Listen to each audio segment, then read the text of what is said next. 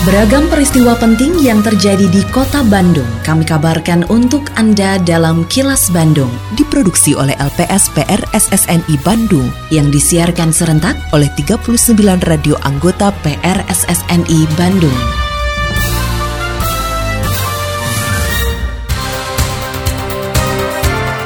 Sejumlah informasi aktual kami hadirkan untuk Anda dan inilah informasi utamanya. Buruan saya kini banyak dilakukan oleh perorangan. Layanan vaksinasi COVID-19 di Kota Bandung tetap buka saat libur lebaran.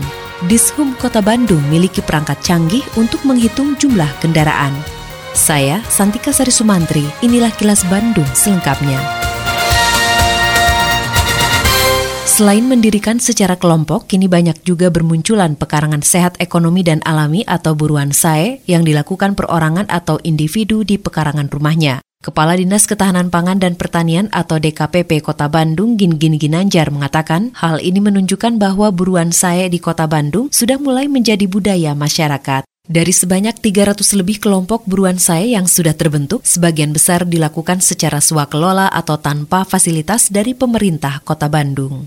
Saya lihat sekarang sudah menjadi semacam budaya ya masyarakat hmm. untuk memanfaatkan lingkungan pekarangannya untuk bercocok tanam buruan saya gitu. Termasuk sekarang juga mulai menyebar di rumah masyarakat gitu ya. Jadi pribadi, jadi tidak secara kelompok, tapi sekarang juga sudah mulai yang punya lahannya memanfaatkan lahan sekitar rumahnya untuk kebutuhan e, rumah tangganya. Gitu. Jadi saya pikir perkembangannya cukup, walaupun memang ini perlu juga disupport, didukung oleh semua pihak. Tidak hanya dari sisi anggaran tentunya, juga dari komunitas, dari kelompok lain. Karena 335 pun juga ini tidak semuanya yang didampingi langsung oleh kita. Justru hmm. banyak berkembang atas inisiatif semangat dari warga setelah melihat mungkin kelompok yang sudah berkembang di lingkungannya.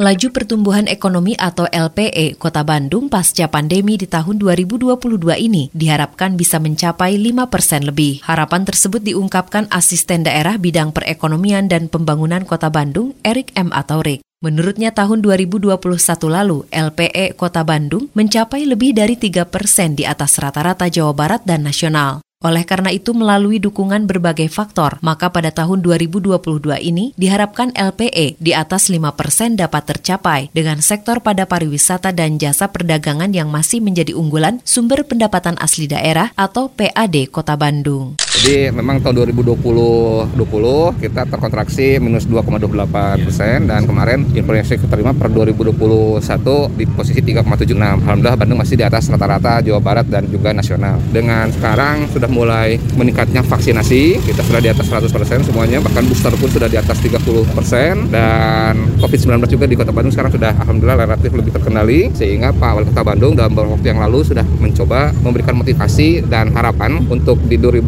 2022 ini mudah-mudahan LP kita bisa di posisi 5,5 persen. Layanan vaksinasi di puskesmas yang beroperasi 24 jam di kota Bandung tetap buka pada libur Hari Raya Idul Fitri 1443 Hijriah, sedangkan puskesmas non 24 jam hanya tutup pada tanggal merah. Kepala Seksi Pelayanan Kesehatan Primer dan Tradisional pada Dinkes Kota Bandung, Teti Hendriani Agustin mengatakan, saat ini di Kota Bandung terdapat lima puskesmas yang beroperasi 24 jam, yaitu Puskesmas Ibrahim Aji, Puter, Cipamokolan, Padasuka, dan Puskesmas Garuda. Oleh karena itu, Teti berharap stok vaksin yang dipasok oleh Dinas Kesehatan Provinsi Jawa Barat dapat tetap tersedia untuk dapat melayani masyarakat mendapatkan vaksin. Vaksinasi COVID tersebut terbuka untuk dosis 1, 2, dan 3 atau booster yang dilayani di pos lebaran dan puskesmas. Untuk pos ini kan tidak berhenti, jadi hanya hari H aja. Di pos ini hari H aja yang tidak buka, tapi H plus 2 selama vaksin kita memang stoknya terpenuhi, kita akan lakukan. Nah ini yang dikhawatirkan itu karena memang libur kan Dinkes Provinsi kita biasanya minta dari vaksin di tingkat provinsi. Nah Dinkes kan tutup. Nah ini juga kita belum tahu apakah nanti akan ada dropping di tengah-tengah misal memungkinkan atau tidak. Tapi kita berharap stoknya cukup.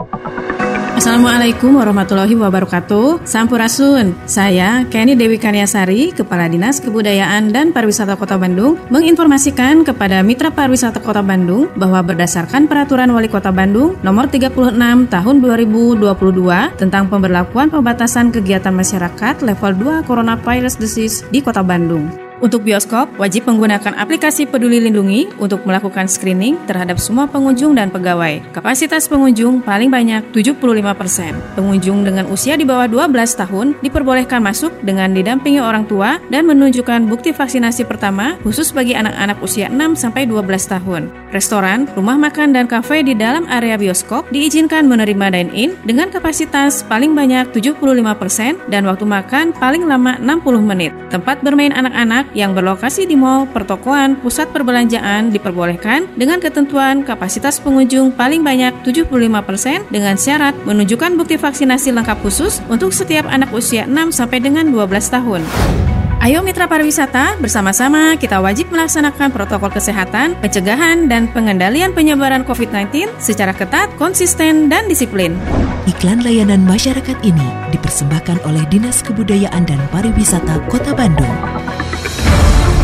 Kini, audio podcast siaran Kilas Bandung dan berbagai informasi menarik lainnya bisa Anda akses di laman kilasbandungnews.com.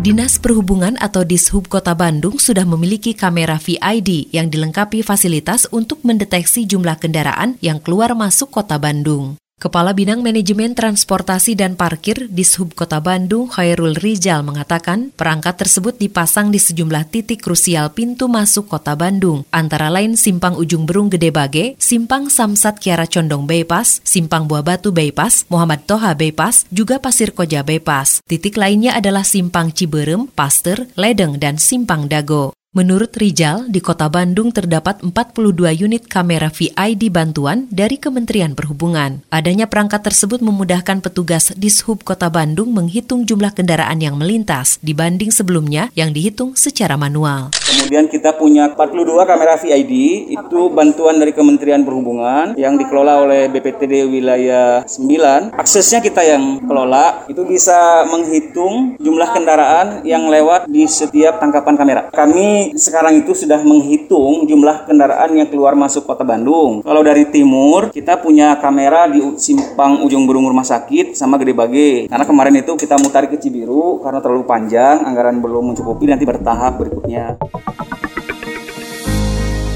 Sebagai penyintas COVID-19 pertama di kota Bandung, pernah merasakan bagaimana terpaparnya tubuh oleh virus corona. Jauh dari nyaman, karena nyawa kita sedang terancam. Jadi jangan sampai hal tersebut Anda alami. Warga Bandung, pandemi COVID-19 belum usai. Mari disiplin menggunakan masker, cuci tangan selalu, jaga jarak, dan hindari kerumunan masih menjadi keniscayaan. Mari kita jalankan pola hidup sehat, makan teratur, istirahat yang cukup, dan berolahragalah.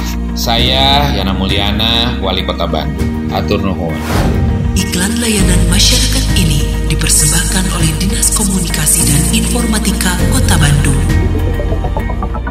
Tetap patuhi protokol kesehatan di masa adaptasi kebiasaan baru untuk memutus penyebaran COVID-19.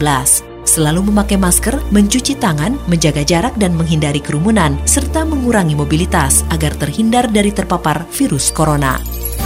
Terima kasih Anda telah menyimak kilas Bandung yang diproduksi oleh LPSPR SSNI Bandung.